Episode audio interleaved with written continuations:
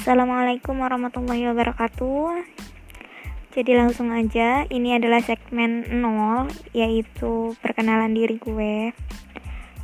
Jika kalian nyasar dan Dengerin Segmen ini Kalian jangan lupa dengerin segmen-segmen selanjutnya. Karena ini adalah Kali pertama Gue melakukan recording ya untuk mengisi waktu gabut mungkin ada beberapa topik yang bakalan gue bahas di sini.